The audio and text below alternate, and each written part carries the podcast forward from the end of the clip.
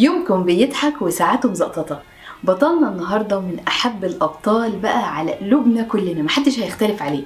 أول ما هنقول اسمه هتلاقي كمية مواقف حلوة وذكريات في بالكم ملهاش عدد.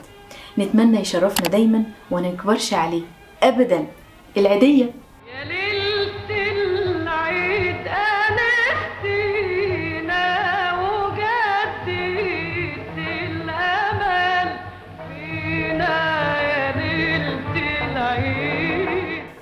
العيد. طبعا له بهجته وفرحته وطلته. ولا إيه؟ لا بجد فعلا. طقوسه كمان بتخلي الكل مستني سواء كبير أو صغير. يعني زي ما قلنا بنحضر ليه كل أصناف الحلويات. كحك وبسكوت وبيتي فور وغريبة وأشكال وأصناف من الحلويات اتكلمنا عليها قبل كده. عشان بس نرحب بيه وبقدومه العظيم وفرحته. كمان بنقعد نحضر لبس العيد ونتساحل عشان نشتريه والناصح اللي يجيبه قبل رمضان أو بعده. لا بعده إيه؟ امال هتعيدوا بإيه؟ أكيد بهزر معاكم. القصد إننا نبعد عن الزحمة اللي بتحصل ساعة اللبس الجديد ونشتريه قبل العيد.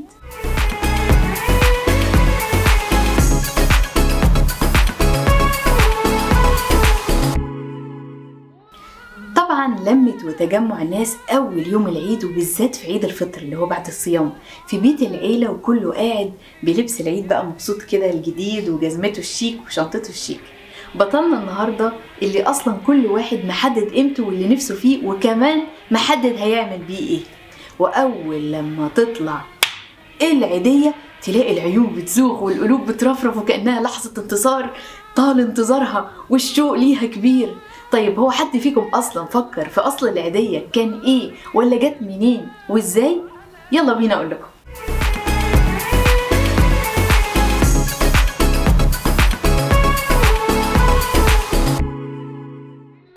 كلمة عيدية أصلا جاية من كلمة عيد. ده لو محدش خد باله. سيبوني أعمل لكم زي ألغاز شوية. معناها بقى إيه؟ عطف ولا عطاء؟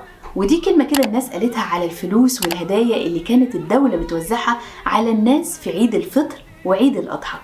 يعني نوع من التوسعة على أهل البلد واتسمت أسامي كتير جدا جدا زي مثلا جمكية وفي في العصر المملوكي وكان معناها المال المخصص لشراء الملابس وكانت بتتوزع حسب المكانة الاجتماعية للي هياخدها. فكان الأمراء مثلا بياخدوها دنانير ذهب وباقي الناس كانت ممكن تاخدها نقود عادية وحلويات من الحاكم.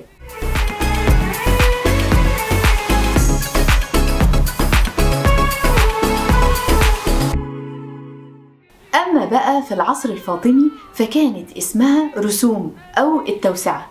وكانت بتتوزع على الشعب في صورة نقود وملابس. إحنا كده لغاية دلوقتي بنتكلم على العيدية.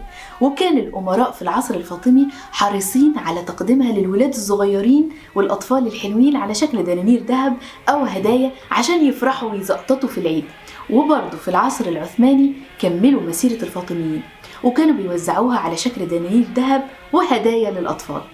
وإحنا صغيرين بقى كان أقصى أمنياتنا 100 جنيه أو 100 درهم أو 100 دينار مقفولة عادية. كنا بنتجمع كده عشان إحساس المية ديت اللي مقفولة على بعضها حاجة تانية خالص اللي هو خلاص إحنا بقينا من الملوك والأعيان عندنا مية 100 درهم 100 جنيه. أما بقى في عصرنا وما أدراك ما عصرنا فنفسنا بقى العيدية تكون بالدولار. أهي حاجة كده تبل الريق بدل الغلا اللي إحنا فيه ده. المهم إن محدش فينا مش بيستنى العيد عشان العيدية إلا إخواتنا إياهم اللي ماما كانت بتحوش ليهم العيدية. دول أكيد ما كانش بيفرق معاهم ولا هيكون فارق معاهم عيديات لأنهم هيشوفوها في الجنة إن شاء الله بعد ما ماما تحوشها.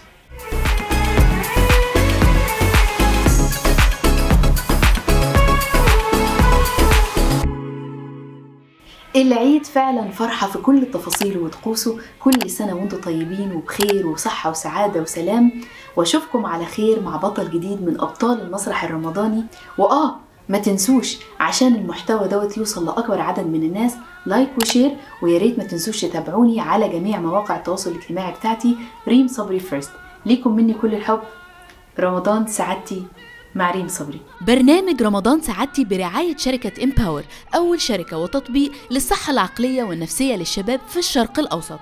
ولو عايزين تستمتعوا بحلقات برنامج رمضان سعادتي بالصوت تقدروا تسمعوا الحلقات الصوتية على أنغامي سبوتيفاي Apple Podcast, Google Podcast, SoundCloud, Amazon Podcast.